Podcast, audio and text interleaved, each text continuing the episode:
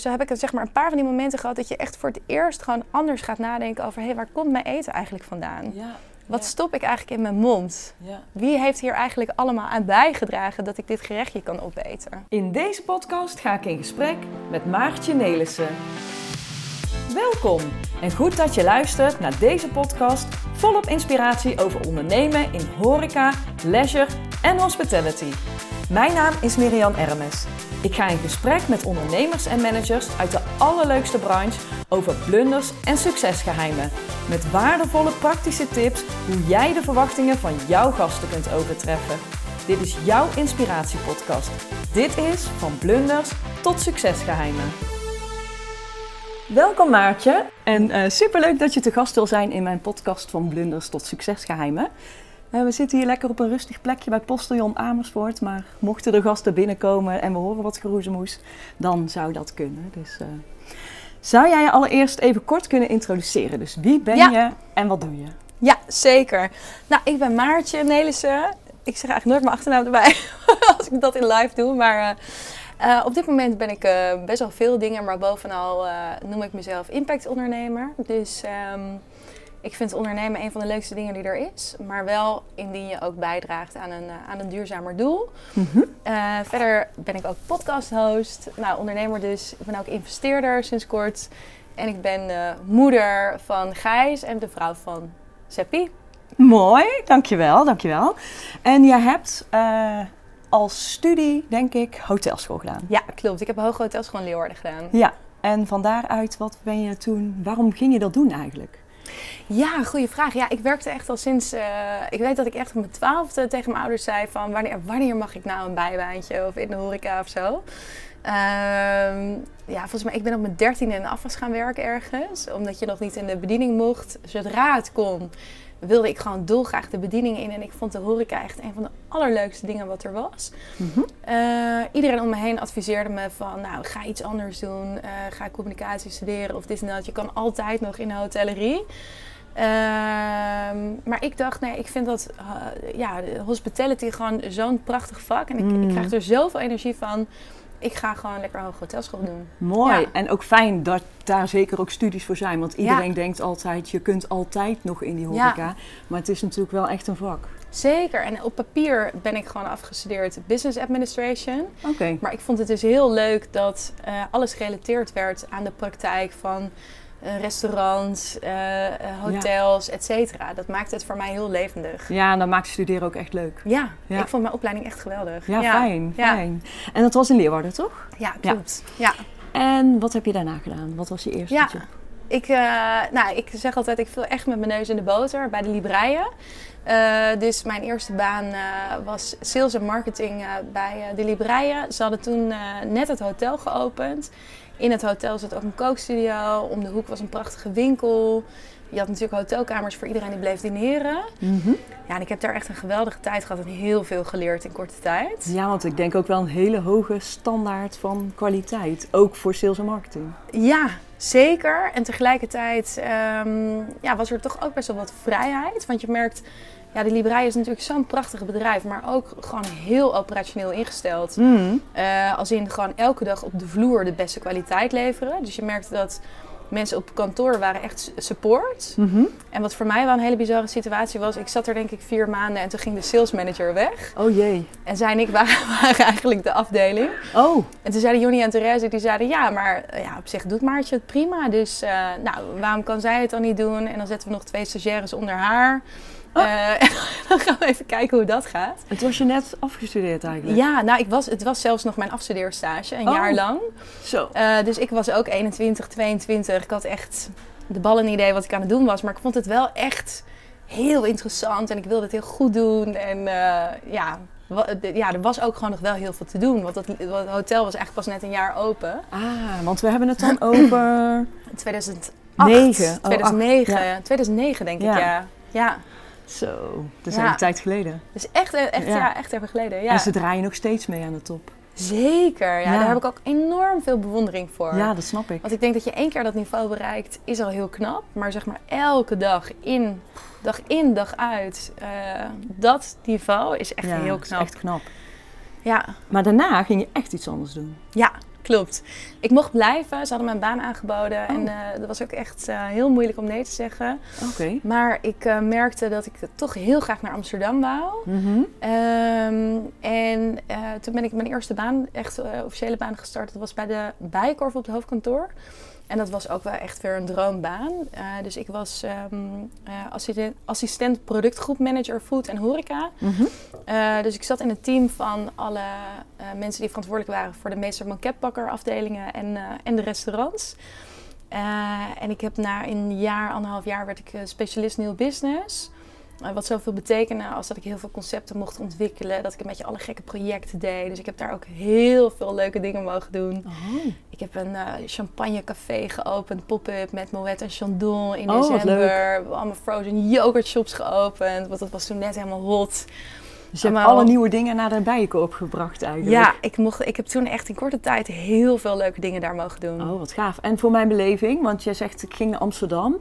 Zat je dan ook bij Bijenkorf Amsterdam of was daar apart een hoofdkantoor? Nee, het was een apart hoofdkantoor. Ah, ja. oké. ja. Maar het was, wel, was dat dan wel de eerste locatie waar je iets ging introduceren? Of werd dat dan meteen... Mm, nou, niet altijd, maar de Bijenkorf Amsterdam was inderdaad wel ehm, een van de flagship eh, locaties waar heel veel kon. Misschien een En proeftuin of verreweg, zo? precies. En nou, waar we in ieder geval verreweg het grootste restaurant was. Dus een grote Ja. kitchen, food court.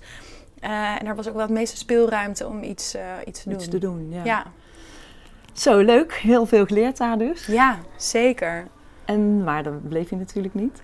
Nee, dus ik heb er in totaal drie jaar gezeten. Echt met heel veel plezier. Eh, het was zo'n best wel dikke crisis. Ik had ook veel vrienden om me heen Oh, die dan nog in de horeca zaten als eh, assistent bedrijfsleider of als inter- intercedent die echt moeilijk aan de baan kwamen. En toen ik wegging, zeiden mensen, hoezo ga jij weg? Je hebt Oh. echt...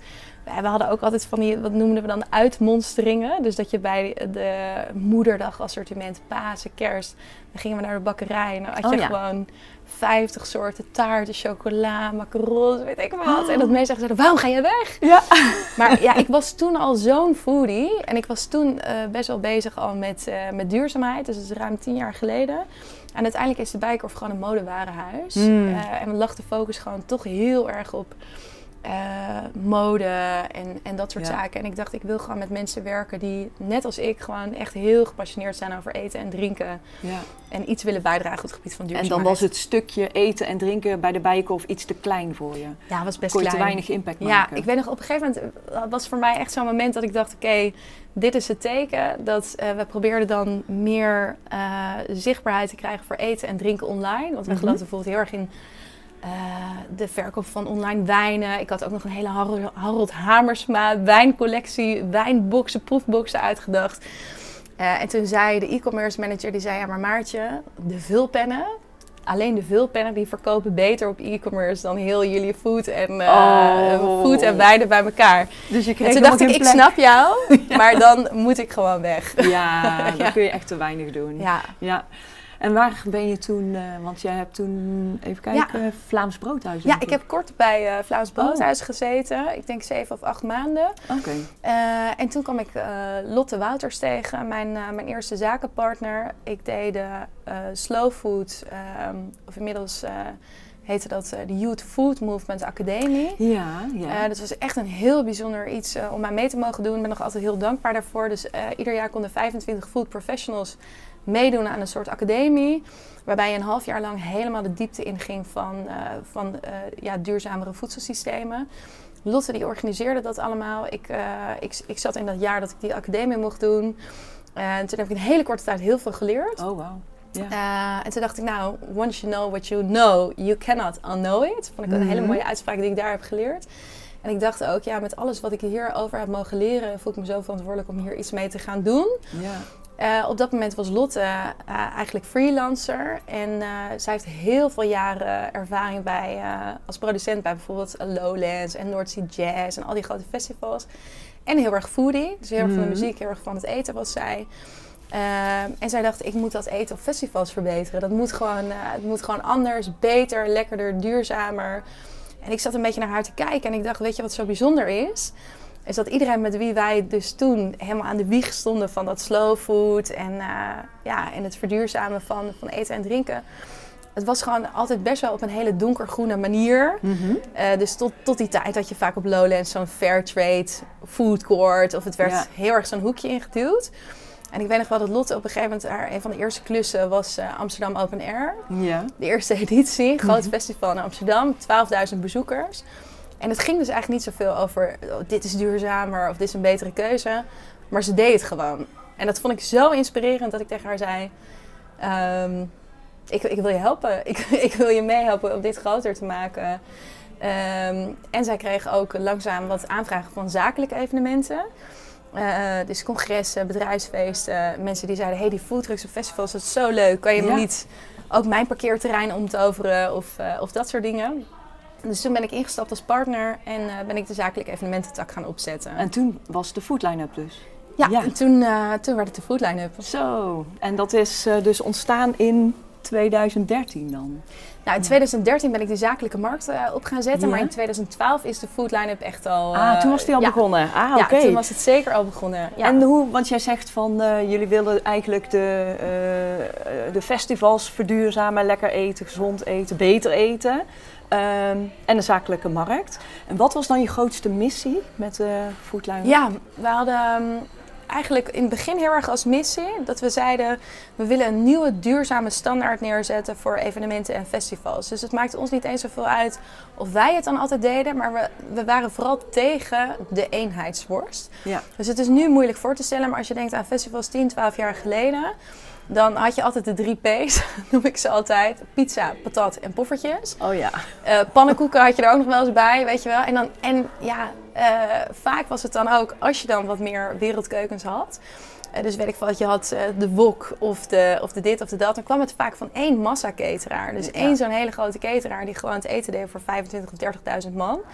En wij zeiden eigenlijk van, nou, we willen dat er veel meer bezieling in komt. Eh, dus er zijn zoveel lokale smaakmakers. En waarom leggen we het allemaal bij één partij neer? Want het kan bijna niet dat jij even goed bent eh, in die wok als in dat er evenveel liefde zit in een, in een wrap of in je friet of Ja. dat. En toen had je allemaal specialisten aan je verbonden. Ja, En hoe heb je dat gedaan? nou, het was heel grappig. In het begin was het dus heel erg zoeken naar die specialisten. Ja. Toevallig, eh gisteren was Koningsdag. Toen eh, zag ik eh, de Dutch Wheat Burger staan op het NDSM-terrein. En toen kwam ik Mark Kulsdom nog tegen. Mhm. Die had ik echt jaren niet gezien. Maar we hebben bijvoorbeeld met de Dutch Wheat Burger jarenlang, nou, ik denk 15 of 20, van die grote muziekfestivals geketerd. En die zei gisteren nog van dat het zo bijzonder was dat zeg maar, die beginjaren van de Foodline hebben we echt meerdere cateraars en chefs echt op zo'n golf kunnen meenemen. Van Ja. dat ze in, in plaats van dat zij altijd moesten leuren bij die organisaties. Dat ze met ons in één keer, weet ik wat, 15 of 20 van die grote evenementen konden doen. Oh, tuurlijk. Dus het was voor jullie allebei een win-win. Ja, het was Zij een enorme werden- win. Ja, precies. Ja, dus we hebben echt, eh, ja, met, zo'n, met dat clubje in het begin hebben we echt hele mooie, ja, dat je elkaar echt helpt groeien en Ja. professionaliseren als organisaties. Het was echt een hele leuke tijd. Maar je begint eigenlijk helemaal van scratch up, Ja, zeg maar, hè? van helemaal in het begin. Je, je moet echt je, je chefs nog zoeken, ja. totdat het op een gegeven moment een stuk groter wordt. Hoe Ja. doe je dat dan? ja, op een gegeven moment, dat heeft natuurlijk met, met verschillende aspecten te maken. Dus je hebt je leveranciers en het product wat, wat moet groeien, maar ook wij, onze organisatie Ja. en, de, en eh, het team en dergelijke, dat moest natuurlijk ook heel erg groeien. We hebben in het begin dus heel lang eh, met, met een best klein eh, clubje hebben dat gedaan. Ik denk dat we een stuk of 25 cateraars hadden en dan nog hadden we wat randprogramma of wat, wat echt wat hele specifieke specialisten die je misschien één keer per jaar inzet. En gaandeweg hadden mensen door van, hey, de Foodline doet alle catering bij eh Buitenwesten of Mhm. bij Best Kept Secret of bij dit of bij dat. Dus ehm, op een gegeven moment ging het een beetje zingen in de markt. Dat Ah. beginnende foodtruckers of chefs, dat ze zeiden, ja, je moet echt even langs bij de Foodline, weet je Ja, wel? daar wilden we ook bij. Ja, Ja. Dat, dat willen we ook, ja. En toen Ja. kreeg je natuurlijk aanwas van chefs die bij je wilden horen. Ja, Maar zeker. hoe ga je dan kwaliteit borgen? Heel veel proeven, heel Mhm. veel testen ehm, en klein beginnen. Dus dat was altijd wel een heel belangrijke, belangrijke les. Met name ook voor die zakelijke evenementen. Want je merkt gewoon, ik denk dat dat een van de belangrijkste lessen van die beginjaren was. Zeg maar 30.000 man catering op een festival is echt heel anders dan hoe groot een bedrijfsfeest dan ook. Weet je, het is gewoon een andere sfeer, het is een andere professionaliteit, het is een andere manier van werk. En niet dat het een minder professioneel is dan het ander.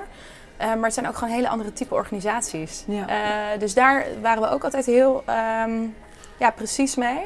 Dat we dachten, ja, als jij een, nieuwe pizza-cateraar bent, ik roep maar wat. Nou, dan willen we het eerst een keer geproefd hebben. Het liefst willen we jou een keer een actie hebben gezien. Want hoe gaat dat dan? Want je kan mij een fantastische proeverij geven op kantoor. En ik ben blown away, maar ik wil je eigenlijk ook wel in actie zien. Want Ja, dan zien wij heel snel. om en hoe Precies. schoonwerken misschien. En, En hoe snel gaat het? Ja. En zie je, zie je goed wat efficiëntie betekent als het druk wordt? Of in de Ja. piek kan je dan dezelfde kwaliteit borgen? maar had je daar dan mensen voor die dat deden? Want Maartje kan natuurlijk niet alles alleen gaan of samen met Lotte gaan proeven, gaan kijken. Of... Nee. Nee, klopt. Ja, we, dus we hebben in het Oh. begin eh, hadden we altijd een heel klein teampje. Ja.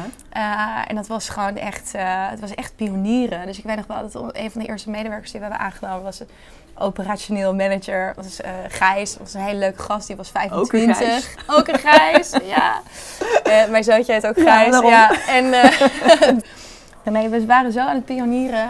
maar tegelijkertijd voelden mensen om ons heen ook wel van hier gebeurt iets bijzonders. Deze eh, meiden of dit bedrijf die probeert echt iets te veranderen. Dus we hadden Gijs aangenomen, maar die konden we dan niet fulltime betalen. Oh ja. Dus die werkte dan daarnaast nog bij de koffiecompany. De, de eerste Oh. maanden dat hij bij ons kwam, dan verdiende hij eigenlijk bij de koffiecompany meer per uur dan bij ons. En tegelijkertijd had hij zoiets van, ja, maar ik wil hier onderdeel van zijn. En zo hadden we wel meer mensen om ons heen verzameld die gewoon echt dachten van, ja, we willen hierbij zijn. We willen, ja, we willen onderdeel zijn van een soort van die eetrevolutie op festivals Ja, en evenementen. Oké, en toen hadden jullie de eerste stap gemaakt richting duurzaamheid, evenementen. Maar op een gegeven moment zijn jullie ook gegroeid naar een B Corp organisatie. Ja. Was dat mm, in de eerste jaren al of was dat later pas? Nee, B Corp zijn we geworden in, eh, in coronatijd, dus in Oh, toen. 2020. Eh, en ik moet ook heel eerlijk ze- zeggen dat we op een gegeven moment ook zo hard groeiden. Ja. eh, en dat ik denk ik zelf ook zo doelgericht was. Dat we zeg maar de hele essentie van... Hè, we willen een nieuwe duurzame standaard neerzetten op evenementen... ook wel eens even kwijt waren. Oh, oké. Ehm, en ik weet nog wel dat we ook echt een paar keer weer opnieuw met elkaar zijn gaan zitten van... Hé, wat is nou onze essentie? ja. Weet je wel, wat is nou die missie? En maken we het eigenlijk nog waar? Of maken we in de dagelijkse operatie toch hele andere keuzes?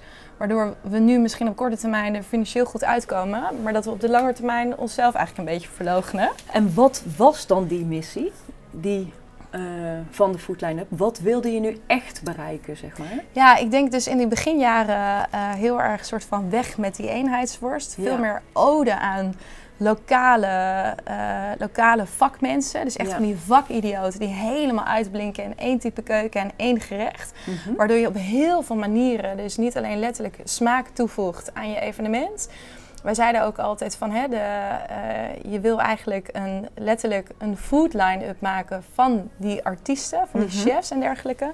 En de food line-up, of de line-up op die grote festivals, de line-up ging altijd over de DJ's en artiesten. En wij zeiden altijd, ja, je wil echt dat de culinaire line-up daar niet voor onder doet. Dus Ja, dat op een gegeven moment dat je zelfs een beweging krijgt dat je zegt, eh, mensen komen niet alleen voor de muziek, Ja. maar ook voor het eten. Of op congressen, hè, mensen komen niet alleen voor de inhoud, maar dat eten is heel belangrijk om bij te dragen aan het netwerken en de sfeer van die dag. En, ja, eh, precies. En later groeide die eh, missie dan Ja. naar nog meer Ja, impact willen maken. zeker, ja. zeker. Dus uiteindelijk hebben we er, eh, ik denk in 2017, 2018 hebben we de missie weer aangescherpt en gezegd, onze missie is echt om mensen beter eten te laten ontdekken, waarbij beter heel erg gaat over good, clean en fair food. Ja. Dus het gaat weer over die slow food principes. En jij zegt zelf ook, hè, ik ben impact ondernemer. Ja. Ehm, ben je dat zelf gaan realiseren nadat je dit allemaal in gang bent gaan zetten? Of heb je dat altijd al willen zijn? Ehm, ja, ik weet niet of ik het zo bewust altijd heb willen zijn. Ehm, ik merk dat ik het wel heel belangrijk vind dat als het alleen eh, holle euro's zijn, of het Mhm. alleen gaat om hè, we willen een miljoenenbedrijf bouwen, of we willen dit of wat dat, dan boeit me dat te weinig. En dat is altijd al geweest? Dat is Dat niet is al vanaf wel een bepaalde lang. leeftijd? Of weet ik Nou, wat? ik denk dus wel dat, dat wat. Ik heb een paar momenten gehad dat het voor mij het heel erg heeft aangezet. Dus het eerste moment was bij de Libreien. Ja? Eh, wat ik daar zo bijzonder aan vond, was niet alleen dat hele hoge niveau van keuken, koken en, en gastvrijheid, wat natuurlijk heel uniek is. Mhm. eh, om daar ook onderdeel van te zijn. Maar wat ik zo bijzonder vond, was dat de meeste chefs die werkten 80 tot 100 uur per week. En dan gingen ze vaak op een vrije zondag alsnog met elkaar het bos in om paddenstoelen te plukken, om kruiden te Oh. plukken. Uh, Juni was, uh, ik denk, bijna elke week bij zijn teler. En dan gingen ze echt de allermooiste groenterassen kweken en telen en, en verzinnen. En er was altijd al heel veel liefde ook, voor ja. lokaal, voor, voor, voor de boeren, waar het vandaan kwam, korte keten, et cetera. Dus daarin waren zij toen al heel innovatief, denk ik.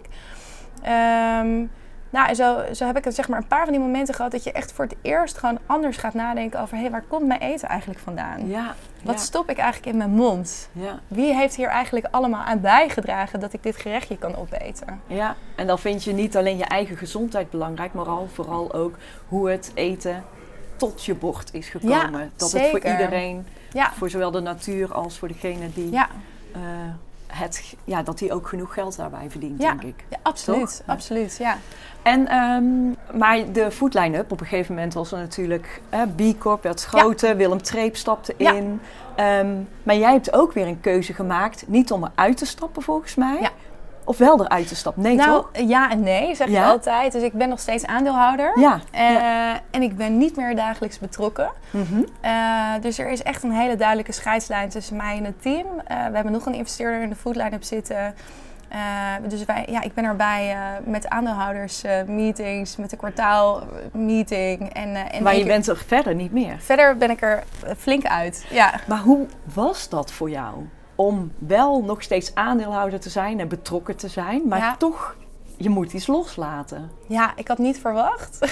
ik dacht ja, ook dat dat loslaten echt een ding zou worden, want ik ben nog gewoon een control freak. Het bevalt me echt heel goed. Ja? Ja. Oh, wat fijn. Ja. Nou, dat is misschien ook een mooi moment geweest. Ja, zeker. Dus uh, ik heb het in totaal bijna tien jaar gedaan, ruim negen jaar. Uh, en wat voor mij zo bijzonder was, is het is natuurlijk allemaal onder de vlag van de Food Line-up. Het is één bedrijf. Maar in die tien jaar heb ik denk ik wel drie of vier verschillende bedrijven mee helpen bouwen. Ah. Dus je gaat zo door verschillende fases. Uh, dat ik op een gegeven moment ook. En ik hou heel erg van nieuwe dingen. Dus ik, mhm. je kan mij niet gelukkiger maken. Uh, om een nieuw concept uit te denken, om iets nieuws op te bouwen. Ik denk ook dat daar echt mijn kracht ligt. Van niets of bijna niets iets maken.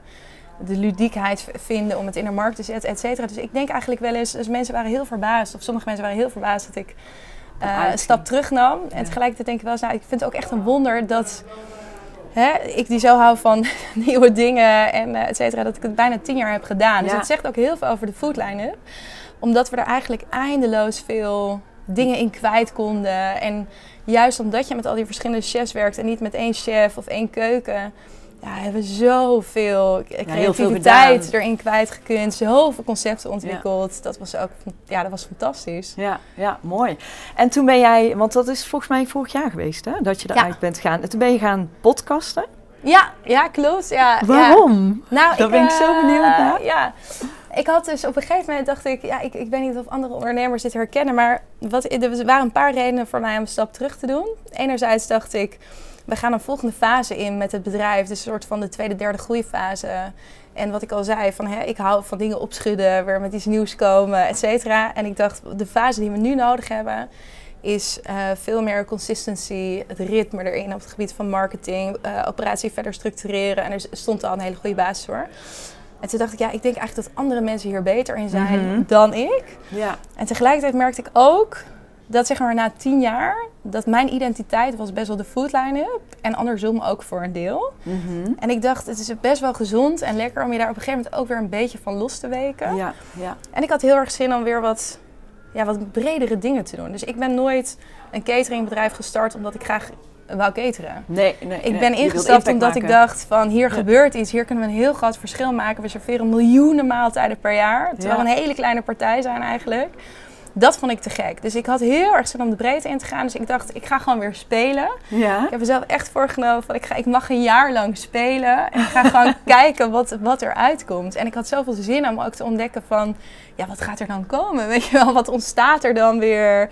Ehm, ja, dus dat was heel leuk. Dus een van de eerste dingen die ik ben gaan doen is, uh, is Back Lekker de podcast. Samen met uh, Gijsbrecht uh, Brouwer. Kende je Gijsbrecht al? Nou, ik ken de Gijsbrecht nu inmiddels pas drie jaar. Dus echt, oh. echt heel grappig. Dus wij kennen elkaar helemaal niet zo goed.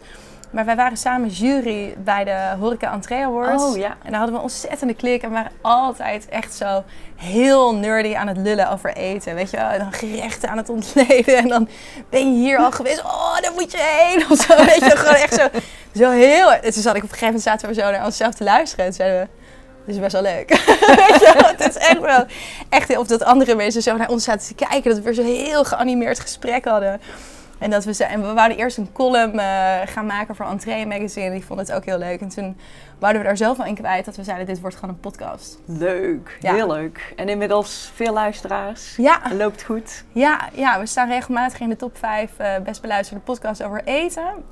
En onze belofte is een beetje dat we er zijn voor iedereen die beter kan eten dan kan koken. Mhm. Eh, dus er zijn heel veel podcasts over koken of de keuken in of met chefs. Ja, En wij dachten, we doen het juist lekker niet. En het gaat, eh, ja, wij noemen altijd precies nergens over, culinair non-nieuws. En het is echt ontzettend leuk om te doen. ja is ook heel leuk om te luisteren.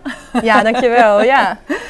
En, eh, maar verder heb jij natuurlijk wel andere projecten nu. Want wat, Ja. wat is belangrijk nu voor jou als je een project gaat starten of wordt gevraagd voor een project? Ja. Ehm, nou, ik merkte eigenlijk mijn jaar spelen. Dus ik heb vorig jaar 1 mei Ja. heb ik mijn rol overgedragen. Ik dacht, ik ga een jaar spelen. Ik heb afgelopen jaar best wel veel verschillende dingen gedaan. En toen merkte ik ook wel, dat was heel leuk. Mhm. Maar uiteindelijk hou ik er toch van om gewoon één bedrijf te bouwen. Oké. Eh, dus inmiddels eh, ben ik ook met twee compagnons eh Plant Forward gestart. Ja? En, eh, en wordt dat wel echt mijn voornaamste focus kom- komende jaren. Ah, mooi. Oké, en de eerste fest, of nee, festival niet, event heb je Ja. gehad. Groot eerste succes. event eh, is net achter de rug. Dat was Ja. echt een heel groot succes. Leuk. Eh, dus we hebben bijna 800 bezoekers getrokken voor de eerste editie. En Plant Forward is inderdaad een, een congres met als doel om de eiwittransitie aan te jagen. Oké, mooi. Hard nodig. Ja, zeker. Nou, mooi eh, Maartje in een notendop, zeg maar. ehm. en als je je voorstelt dat het nu 2027 is, hoe kijk jij dan terug op de afgelopen vijf jaar? Ja, weet je wat grappig is? Ik, ik ben dus jarenlang zo heel eh, doelgericht geweest. Ik heb al- in heel veel interviews geroepen, ik wil ooit zakenvrouw van het jaar worden. eh, dat soort dingen. Ik had, op de hotelschool had ik ooit bedacht, ik wil de jongste GM ooit worden. Oh, god. En, eh, en ik merk dat ik het heel erg aan het loslaten ben. Ja. Al die dingen, omdat het, het is gewoon heel veel ego. Ik ben Mhm. best wel mannelijk in dat soort dingen. Ik heb best wel veel ego. zeg ik heel eerlijk. en ik merk dat ik denk, ja, als ik terugkijk 2027 op de afgelopen jaren, heb ik eigenlijk maar een paar veel kleinere wensen. En dat is gewoon ergens een verschil maken. Mhm. Waarbij ik het altijd mooi vind om dingen te verzinnen die niet twee mensen raken, maar liever 2000 of 2000 per evenement of per project of whatever. En gewoon plezier hebben en met hele fijne mensen werken. Ja, ja. Dus eigenlijk het ego laat je een beetje los ook. Nou, ik merk dat ik de reis veel belangrijker Ja. en leuker ben gaan vinden. En ik merk eigenlijk dat dat dus ook me ontzettend helpt juist in het resultaat. Dus ik ben heel resultaat- en doelgericht. Mhm. Ben ik dus jarenlang ook geweest met de food line-up. En ik merkte dat ik op een gegeven moment jarenlang ook heel hard werkte. Heel veel uren maakte. Best wel aan het ploeteren was. En dat het soms ook heel erg ehm, ja, kan tegenwerken. Dus als je veel lekkerder in die flow zit en je geniet van het moment. En je verzamelt fijne mensen om je heen. Waar Ja. heel veel vertrouwen is. En het gaat ook om die reis. Ja. Dan, dan heb ik toch het idee, dan kom je er sneller. En als je er niet komt, dan leer je in ieder geval heel veel van de reis. Ja. Of heb je hopelijk ook dan een mooi Heb- moment, zeg Heb maar. je het ook leuk gehad? Want wat vind je het allerleukste om te doen?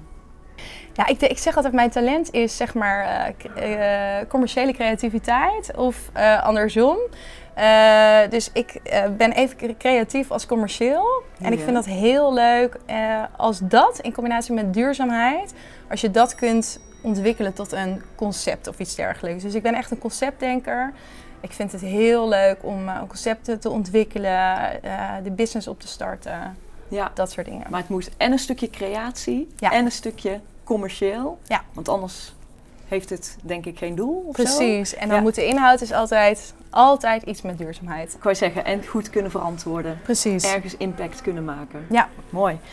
En ehm, waar ben je dan het meest trots op? Ja, ik, ik denk, ik heb dus één heel concreet voorbeeld. Dat Ja. is eh Brasserie 2050, wat we hebben ontwikkeld Oh. eh, met, eh, met de food line-up in opdracht van Mojo, dus Lowlands en, eh, en de Rabobank. Ja. Dat was een, eh, een restaurant van de toekomst waar we 5000 mensen hebben laten eten. Ik wist helemaal niet dat dat met de foodline was. Nee? Nee. Oh ja, wat grappig. Ja, Ja, ik ben het. geweest?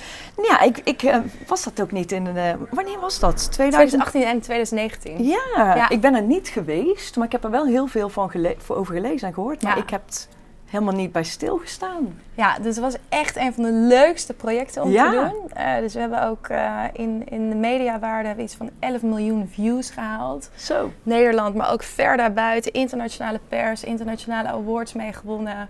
Eh, maar daar was vooral dat je iets kan verzinnen wat echt in ieder detail klopte. Wat een duurzamer iets was, zonder weer met dat vingertje te wijzen van zo mag jij niet eten of dit ligt er in de toekomst op je bord. Maar heel erg mensen meenemen in van hè, dit zijn de grootste uitdagingen in, in ons voedselsysteem. Dit zouden mogelijke oplossingen kunnen zijn op je bord en dan heel verhalend. Dus dat vond ik echt geweldig. Ja. Eh, en tegelijkertijd vond ik vorig jaar ook een heel mooi moment. Dat ik een stap terug kon nemen überhaupt in mijn eigen bedrijf. Eh, en dat dat eigenlijk ook heel goed is gegaan. Ja. Eh, ja, daar ben ik eigenlijk ook heel trots op. Ja, dat snap ik. Snap ik. Ja. Ook echt goed los kunnen laten. En ook Ja, maar lekker, ook, ik eh, bedoel eigenlijk vooral ook op het team. Dus Ja. wat het leuke is, is, is dat... ehm, ja, je bent natuurlijk als ondernemer en, en co-founder heb je gewoon best wel een, ja, een stempel in je, in je bedrijf, op je bedrijf, op je mensen. En ik vond het dus heel erg leuk om te zien dat ja, toen ik een stap terugnam, stapten heel veel andere mensen naar voren. En had en dat je vond ook ik zo, zo tof om te zien. En had je, stapten toen ook de mensen naar voren waarvan je het verwacht had? Of waren er ook echt verrassingen bij? Er waren ook echt verrassingen bij. Ja. ja dus ik vind het super tof om Ja. te zien ja, dat, dat dus andere mensen ook, ja, ook opstaan. eh, heel veel verantwoordelijkheid voelen voor, voor het bedrijf. We hebben mensen in, al jaren in dienst die, die zich echt gedragen als de ondernemer. En zich zo verantwoordelijk voelen. Nou, dat, dat daar kan je alleen maar van dromen als ondernemer. Ja, supermooi.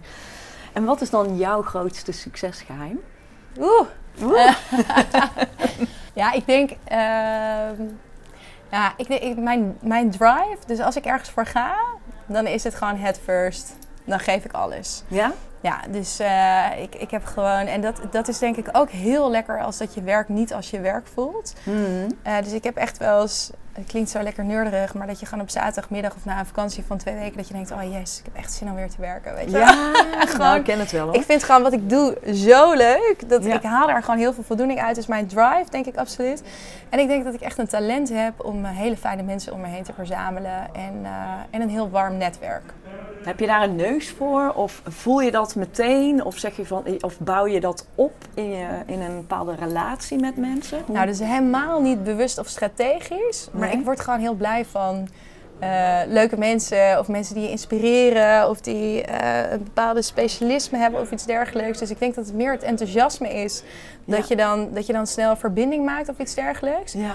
En dat je dan op een gegeven moment gaandeweg in de tijd, dan denk ik wel eens van, hé, hey, ik zou eigenlijk eh, hier iemand bij willen betrekken. En dan denk ik ineens, ah, ik kan aan die denken. Die ken ik nog of, wel. eh, ja. Ja. Dat soort dingen. ja, en dan hou je altijd mensen in je achterhoofd en dat je Ja. Ja, echt... Maar je bent ook wel een verbinder, denk ik. zeker. Ja. Ja.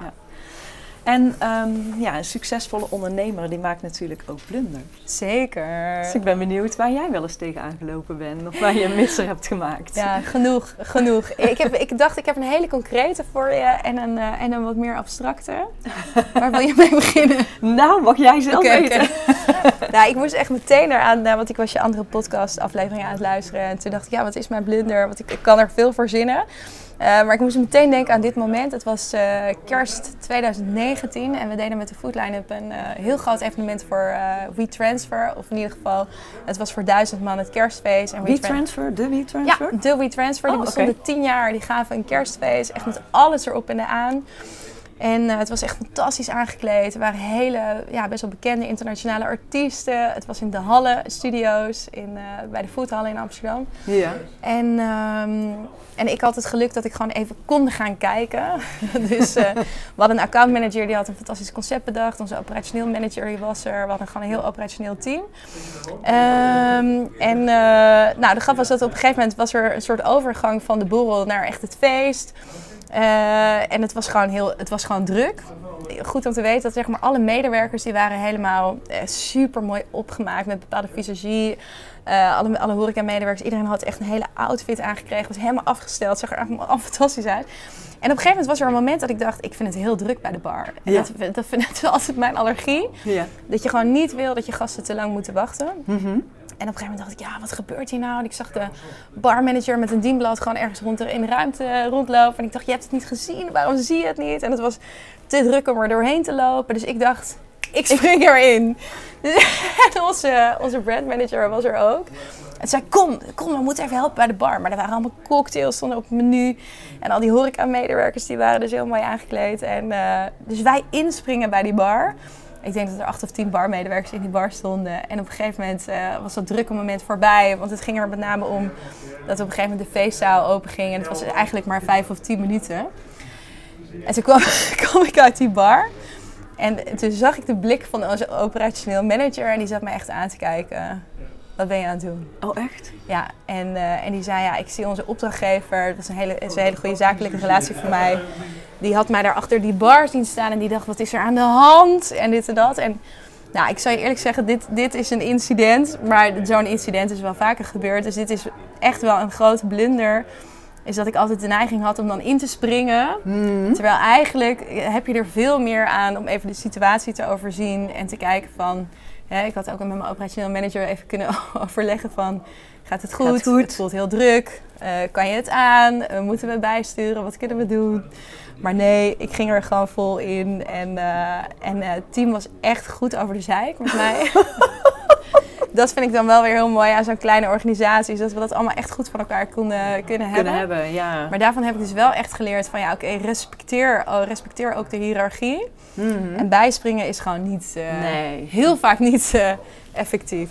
En wat, eh, want hij heeft je er later op aangesproken. Nou, Ja. ik zou, nee, we hebben het gewoon meteen die avond hebben het erover gehad. En we zijn er echt nog wel een paar keer op teruggekomen. Omdat ik later ook dacht, jeetje, ja, ik doe dit eigenlijk vaker. En het is heel vervelend voor mensen. Ja.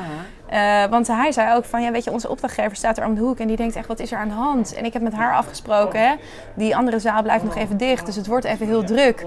Uh, maar het is Was vijf allemaal- minuten, Ja. weet je wel? Ja. Het was gewoon helemaal onder controle. Precies. Alleen jij wist dat niet. Ja, En, eh, inderdaad. Ja, oh, wat balen. ik heb me goed geschaamd daarna. ja, precies, precies. Maar ja, je doet het niet zomaar meer. Nee, zeker niet. Nee.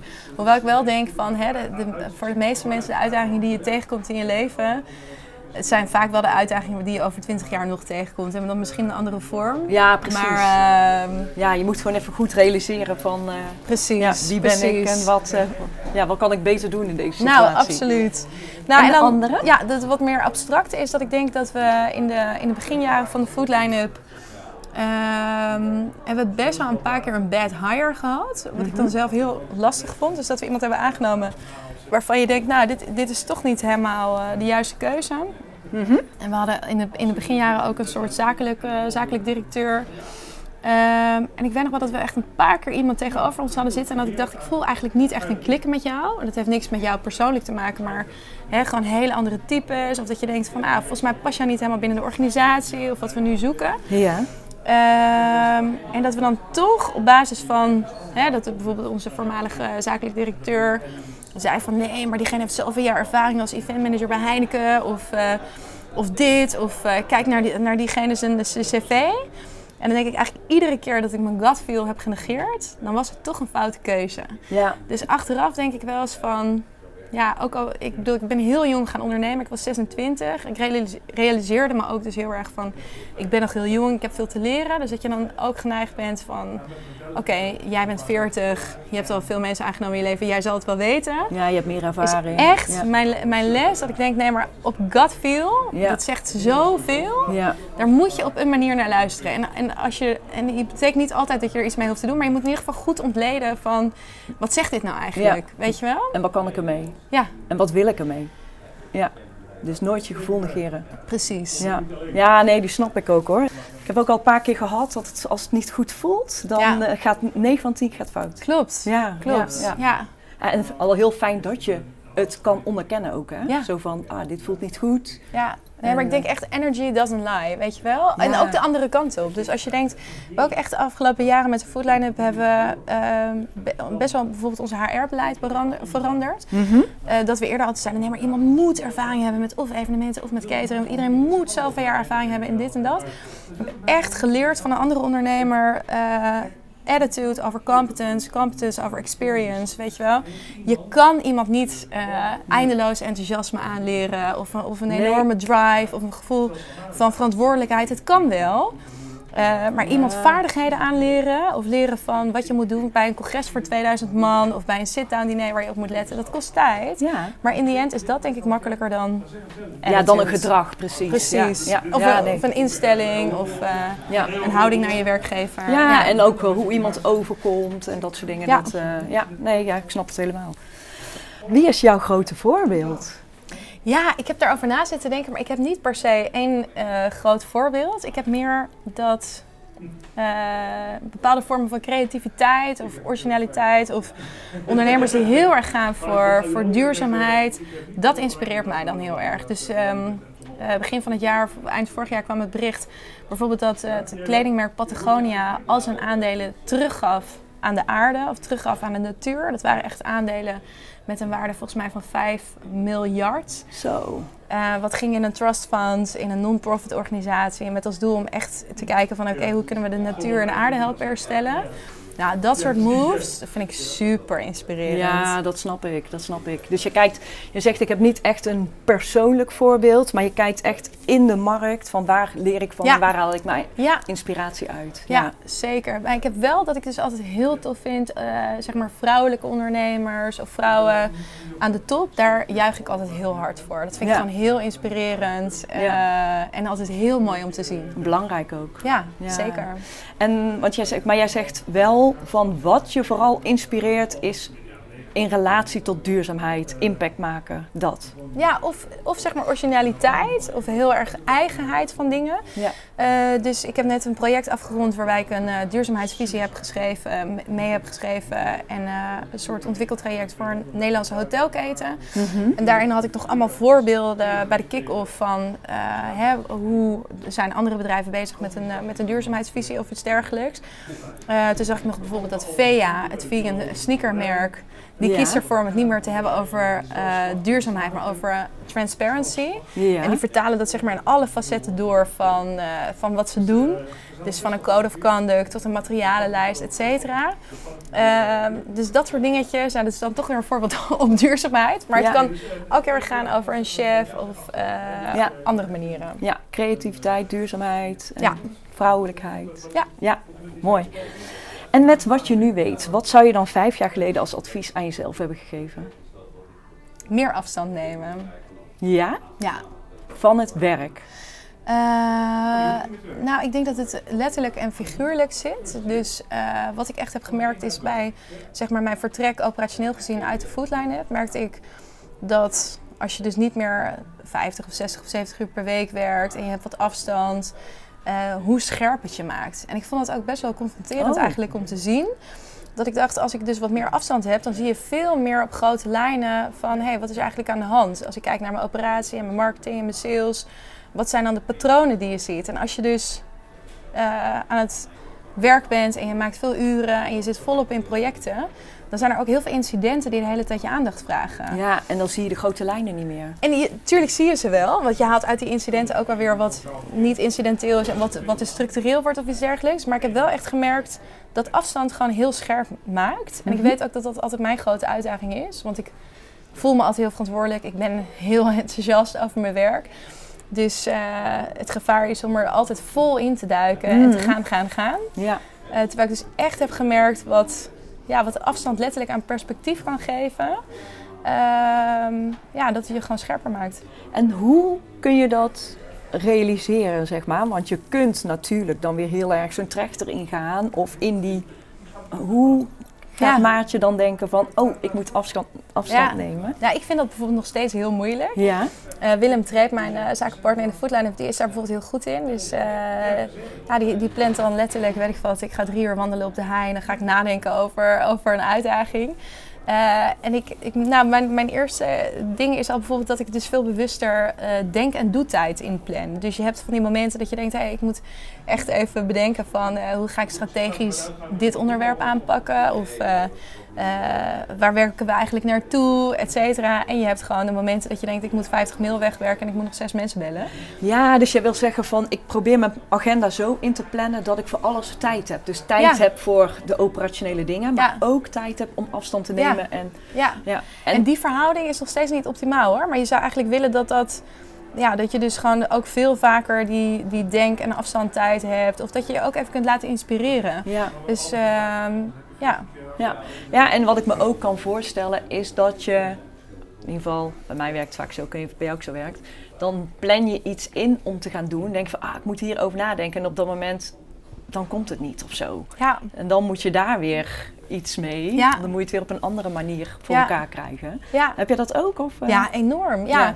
Maar ik vond het bijvoorbeeld ook altijd heel moeilijk om, eh, om op vakantie te gaan. Ja, dat klinkt zo onbenullig. Ik bedoel, ik ben echt heel, ik hou heel erg van reizen. Ik heb de halve wereld gezien tien jaar geleden. Maar zeg maar eenmaal met de foodline vond ik het altijd best wel lastig om dan weer even uit te checken. Of dan was mijn neiging om altijd weer mijn laptop mee te nemen en dan door te blijven gaan. Terwijl ik ook heb geleerd van als je dus ook even een week of twee weken eruit bent, ja, en gewoon echt geen echt contact. even eruit. Ja. Telefoon aan de kant, geen mail, weet je wel Ja. wat het ook doet voor je creativiteit en je Veel meer. headspace. En eh, ja. ja, en volgens mij ga jij ook vaak op reis waar ook weer heel veel lekker eten Ja. is. ja, Dus, klopt.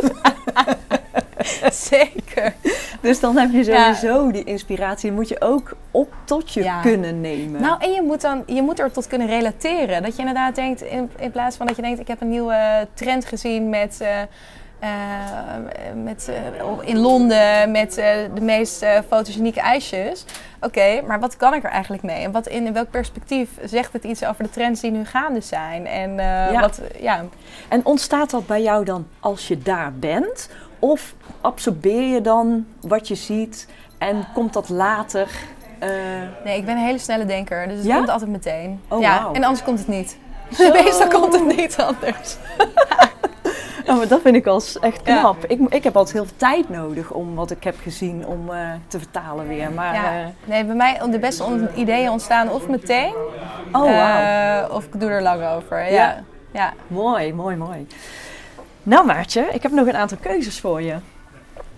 Ik hoop niet dat je ze al uit je hoofd kent. Nee, zeker niet, zeker niet. Cocktails of mocktails? Cocktails, Internationaal of lokaal? lokaal. Instagram of TikTok? Instagram, Robotisering, is een kans of een bedreiging? kans. Eh, nooit meer koken of nooit meer uit eten? Oh, dit is zo moeilijk. Ja, ik ga toch voor eh, nooit meer koken.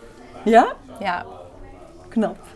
Ja, ik vind het allebei verschrikkelijk. ja. Eh, vlees of vega? Vega, Hmm. Individueel of ketelvorming? individueel. En zomer of winter? Zomer. Ja. Oh, dankjewel Maartje. Zin in. Ja, ja Zin in jij de bedankt. zomer? Heel veel zin in de zomer, ja. Nou, dankjewel voor het leuke gesprek. Jij ook. Bedankt voor het luisteren naar deze podcast. Ben je geïnspireerd en vind je het een waardevolle podcast? Deel deze dan op je social media kanalen en vergeet mij niet te taggen. Ben je ook zo nieuwsgierig naar de volgende aflevering en wil je niets missen? Abonneer je dan op deze podcast. Wil je meer informatie over horeca, leisure en hospitality? Ga naar mirianermes.nl en volg me op LinkedIn, Instagram en Clubhouse.